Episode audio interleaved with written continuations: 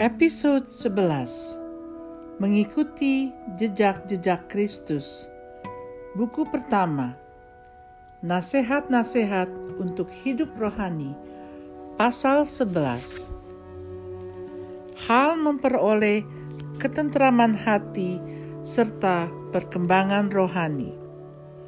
Ayat 1 Sesungguhnya kita dapat merasa lebih tentram asal saja kita tidak mau memperdulikan perkataan dan perbuatan orang lain yang tiada berurusan dengan kita.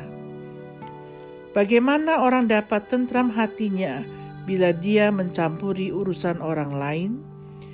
Bila dia mencari kesenangan di luar dan jarang atau tidak pernah merenungkan di dalam hatinya?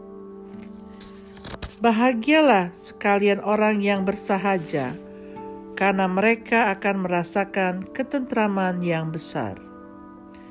Ayat 2 Mengapa beberapa orang suci dapat mencapai kesempurnaan yang begitu tinggi dan mencapai sinar terang di dalam pikirannya? Karena mereka telah berusaha sekuat tenaga untuk mengendalikan segala keinginan duniawi di dalam dirinya, dan oleh karena itu dapatlah mereka dengan segenap hati mencapai hubungan yang sangat erat dengan Tuhan, dan dengan tanpa gangguan dapatlah mereka memurnikan hatinya. Sebaliknya, kita terlalu banyak dipengaruhi oleh hawa nafsu kita sendiri dan sangat mudah terpengaruhi pula oleh perkara-perkara yang lalu melintas. Juga jarang kita dapat sama sekali mengalahkan satu kejahatan saja yang ada pada kita, dan kita tiada berusaha sungguh-sungguh untuk maju setiap hari. Itulah sebabnya, maka kita tetap dingin dan acuh tak acuh. Ayat 3 jika kita benar-benar mematikan diri kita, dan bila hati kita tidak terlibat di dalam perkara-perkara duniawi, niscaya kita sudah dapat mengenyam kenikmatan ilahi dan telah dapat sedikit mengetahui sinar cahaya kebahagiaan.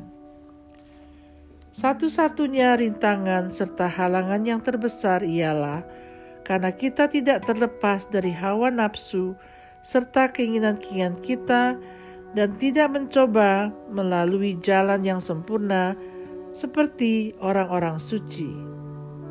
Lagi pula, jika kita sedikit saja mengalami kegagalan atau merasa kecewa, kita lepas putus asa dan pergi mencari hiburan pada sesama manusia. Ayat 4 Jikalau kita berusaha seperti perwira yang kuat untuk tetap berdiri di dalam perjuangan, niscaya kita akan melihat pertolongan Tuhan dari surga.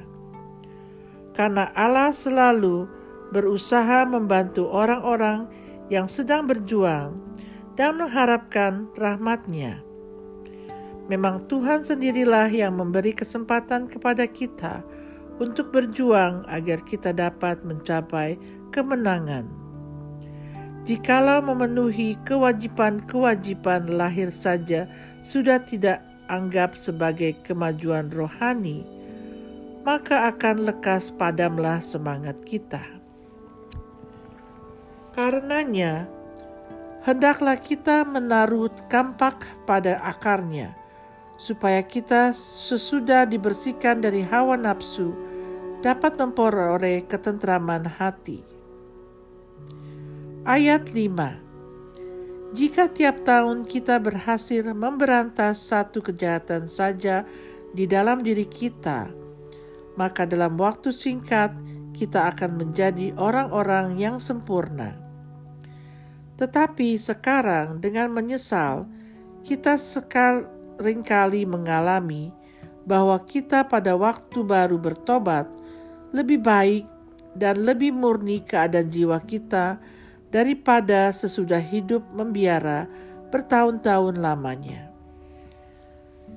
Meskinya kerajinan serta kemajuan kita tiap hari harus makin bertambah, tetapi sekarang sudah dipandang sebagai suatu keistimewaan bila orang masih mempunyai sebagian saja dari kegiatannya semula.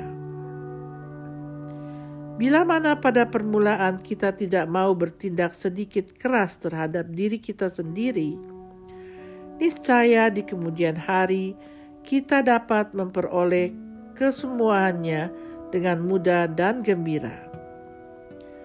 Ayat 6 Meninggalkan kebiasaan yang lama memang berat, tetapi yang lebih berat lagi ialah menentang kehendak diri sendiri.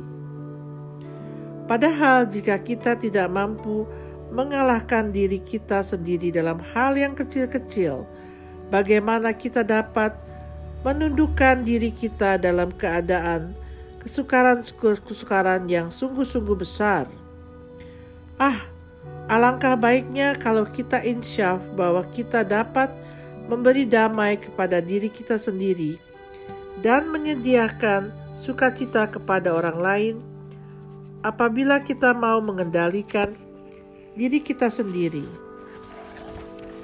Maka saya percaya bahwa kita akan memperhatikan kemajuan kita di bidang kerohanian.